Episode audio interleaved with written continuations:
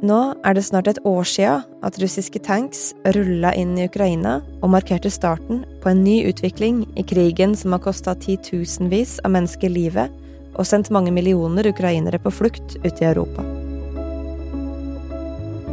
Og helt fra starten så lovte Vesten, USA og Europa sanksjoner mot den russiske økonomien. De stengte russiske banker ute fra internasjonal kortbetaling. In a weekend, the West has cut that off and paralyzed that fortress economy. A powerful coalition representing some of the world's biggest democracies announced it would block some Russian banks from SWIFT.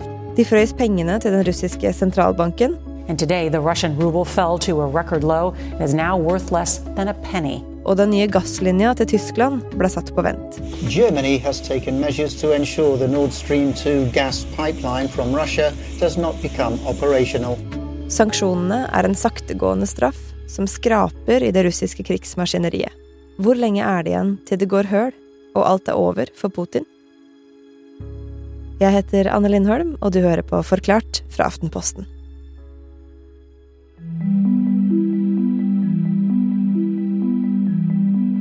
Per Christian Aale, du er Aftenpostens Russland-korrespondent. Og hva var det Putin håpte på? Hva var det han ville da han satte i gang invasjonen av Ukraina?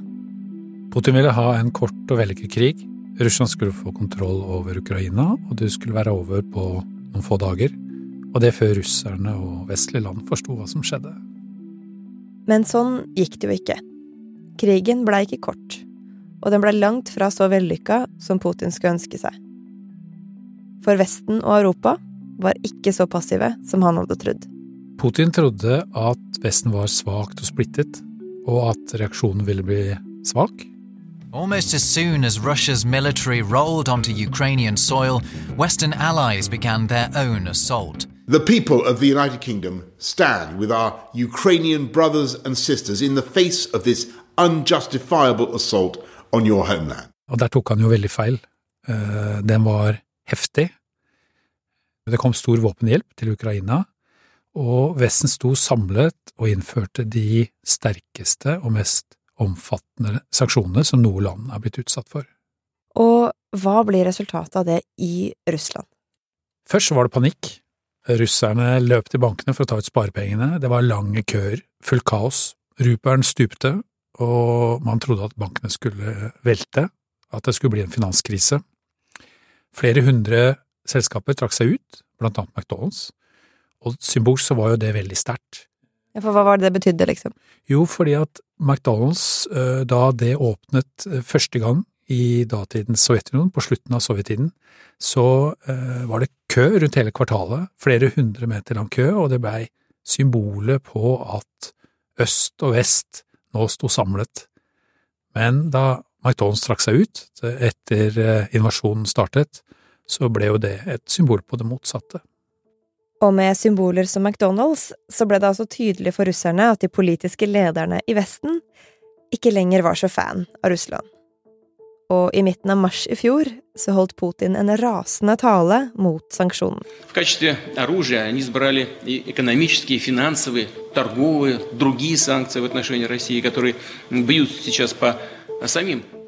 Men etter det første sjokket så skjer det noe. Og sakte, men sikkert, bare noen uker seinere, så ler Putin av de vestlige sanksjonene.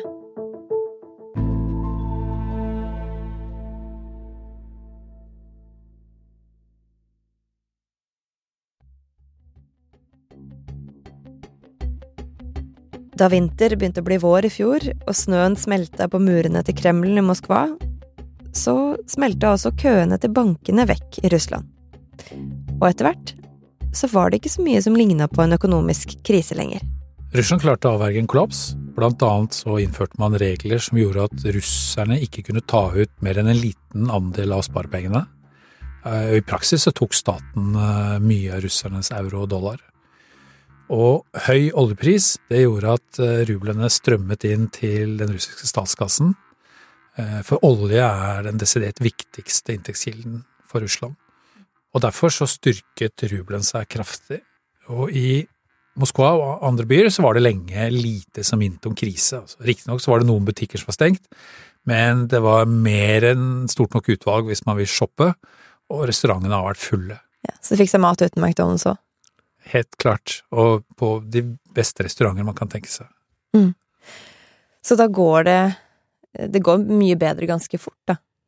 Det går fint en stund, men sanksjoner er som en eh, kvern som sakte maler i stykker den russiske økonomien.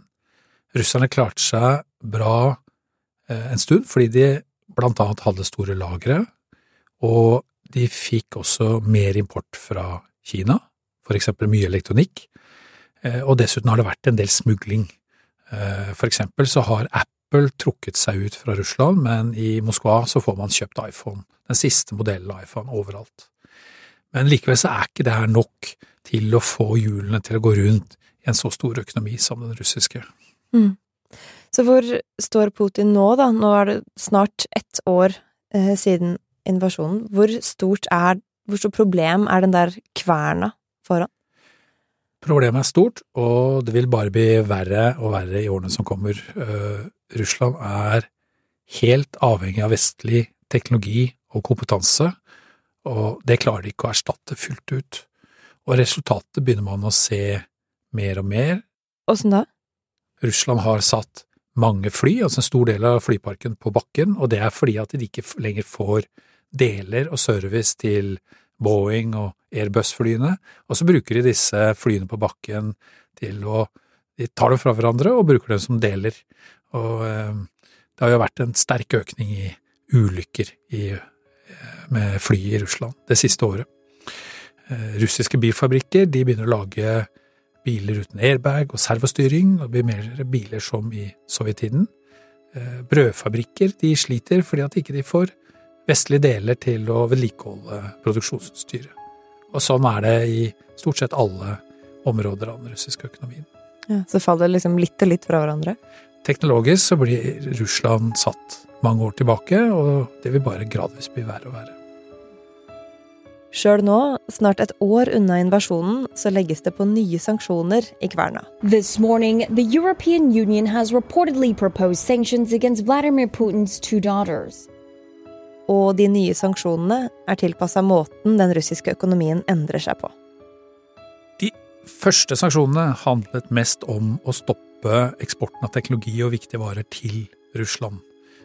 Men som jeg nevnte, så har jo Russland tjent masse penger på høy oljepris, og nå begynner Vesten å gå også etter disse inntektene. Og det siste så har de gjennomført flere tiltak for å strupe Russlands oljeinntekter, og det fungerer. Åssen gjør de det? Blant annet så vedtok EU et forbud mot import av olje fra Russland som går sjøveien. Det startet 1. desember. Vesten har også innført et tak på russisk oljepris, så det vil si at tankskip som skal frakte russisk olje, de får ikke forsikring hvis prisen er over 60 dollar fatet. Og så nå 1. februar så kommer det tiltak mot bearbeidede oljeprodukter, det vil si diesel og bensin videre. Alt annet enn råolje? Ja. Mm. Og det å begrense oljeinntektene funker såpass godt at Vladimir Putin valgte å ta det opp i nyttårstalen sin. С 2014 года, после крымских событий, Россия живет в условиях санкций. Han sier at det er blitt erklært en sanksjonskrig mot Russland, men at de har holdt ut, og han sier at sammen så har vi klart å lage en pålitelig sikkerhetsmargin. Så ifølge han så biter jo ikke sanksjonene. Men Putin har forsøkt å slå tilbake. Blant annet har han i stor grad stoppet eksporten av gass til Europa. Målet har vært å få gassprisen til å øke, og det igjen fører til at strømprisen går i været. Og det er jo nordmenn svært opptatt av. Putin tror at Russland har mye sterkere vilje til å holde ut, og at høy strømpris det vil gjøre at Vesten etter hvert kaster inn håndkleet, og at man slutter å støtte Ukraina. Men så langt ser det ikke ut til at Vestens vilje er blitt svekket, snarere tvert imot. Ja, for sanksjonene trappes jo opp, men hva blir effekten for folk i Russland nå, da, i løpet av våren? Russerne de vil få det gradvis verre, og mange har jo nå brukt opp sparepengene. Og man må tenke på at det, det her kommer etter flere år med stagnasjon og økonomiske problemer i, i Russland. Det er mange russere, mange det som er, man kaller den nye middelklassen, de tjener omtrent eh, det samme nå som de gjorde før finanskrisen startet i 2008. Eh, og de har fått, de har fått stadig mindre å rutte med, og det vil bare bli verre, og russerne vil få det tøft. Så alt i alt, da, du har jo beskrevet dem som en kvern, men kommer sanksjon... Altså for hensikten med disse sanksjonene er jo å få Russland til å slutte å krige mot Ukraina, eller i hvert fall gjøre det vanskelig. Så hva vil den kverna ha å si for krigen i Ukraina? Mange har en overdreven tro på hva sanksjonene kan gjøre. Det er ikke et supervåpen, men det er ett av flere våpen som Vesten bruker. Og det virker, altså. Det hemmer den russiske krigsmaskinen mye. Det gjør at russerne sliter med å erstatte det de taper i Ukraina av, av våpen og utstyr, fullt ut. Eh, og sånn sett virker det. Og det gjør det mye vanskeligere for Putin. Men dessverre så vil han nok ha mer enn nok rubler til å fortsette krigen i lang tid, og sannsynligvis vil han ha nok rubler til at ikke dette blir slutten for ham.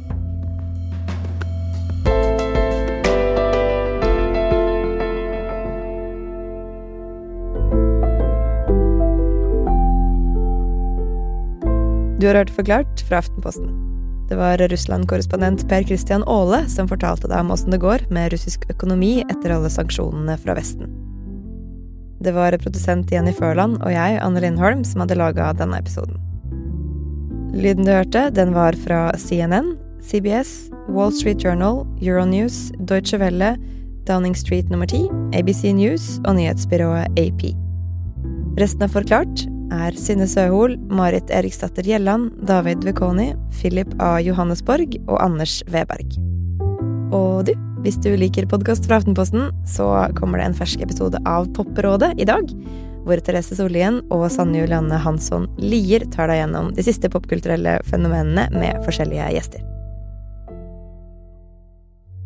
Jeg vet ikke om jeg kommer hjem i live eller i kiste fra utlandet. Jeg vet jeg er i en sånn situasjon. Det er den realiteten jeg står overfor. Hun fikk en dødelig diagnose, men nekta å gi opp.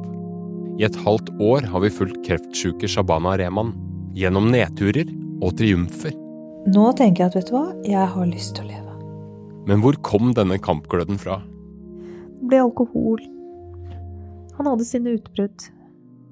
Hvis du var ung minoritetskvinne og gikk ute sent, så kunne du bli stoppet opp og spurt hva gjør du ute så sent, hvor er foreldrene dine? Det provoserte meg jo vanvittig. Så jeg, hjertet mitt ble knust utallige ganger. Så greip hun mikrofonen. Men hun så ut som sånn derre eh, Pippi Langstrømpe på syre-type. Hun hadde veldig merkelig sminke og sånne musefletter som sto rett ut. Da jeg så standup, så tenkte jeg kan gå rett fra gata, opp på scenen, og gripe mikrofonen. Og det er ett krav. Få folk til å le. Da trenger jeg deg her, mulla Krekar. Jeg smiler, han smiler, tolken smiler. Jeg tar rundt han. Og løftet ham under rumpa. Han smilte på vei opp. Han sprelte med beina. Jeg glemmer det aldri.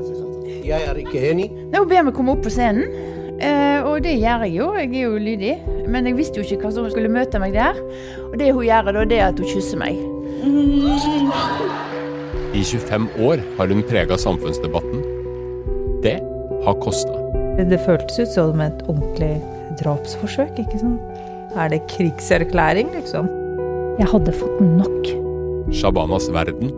En dokumentarserie i seks episoder om Shabana Rehman fra Aftenposten. Hør den hos Podme eller i Aftenposten-appen.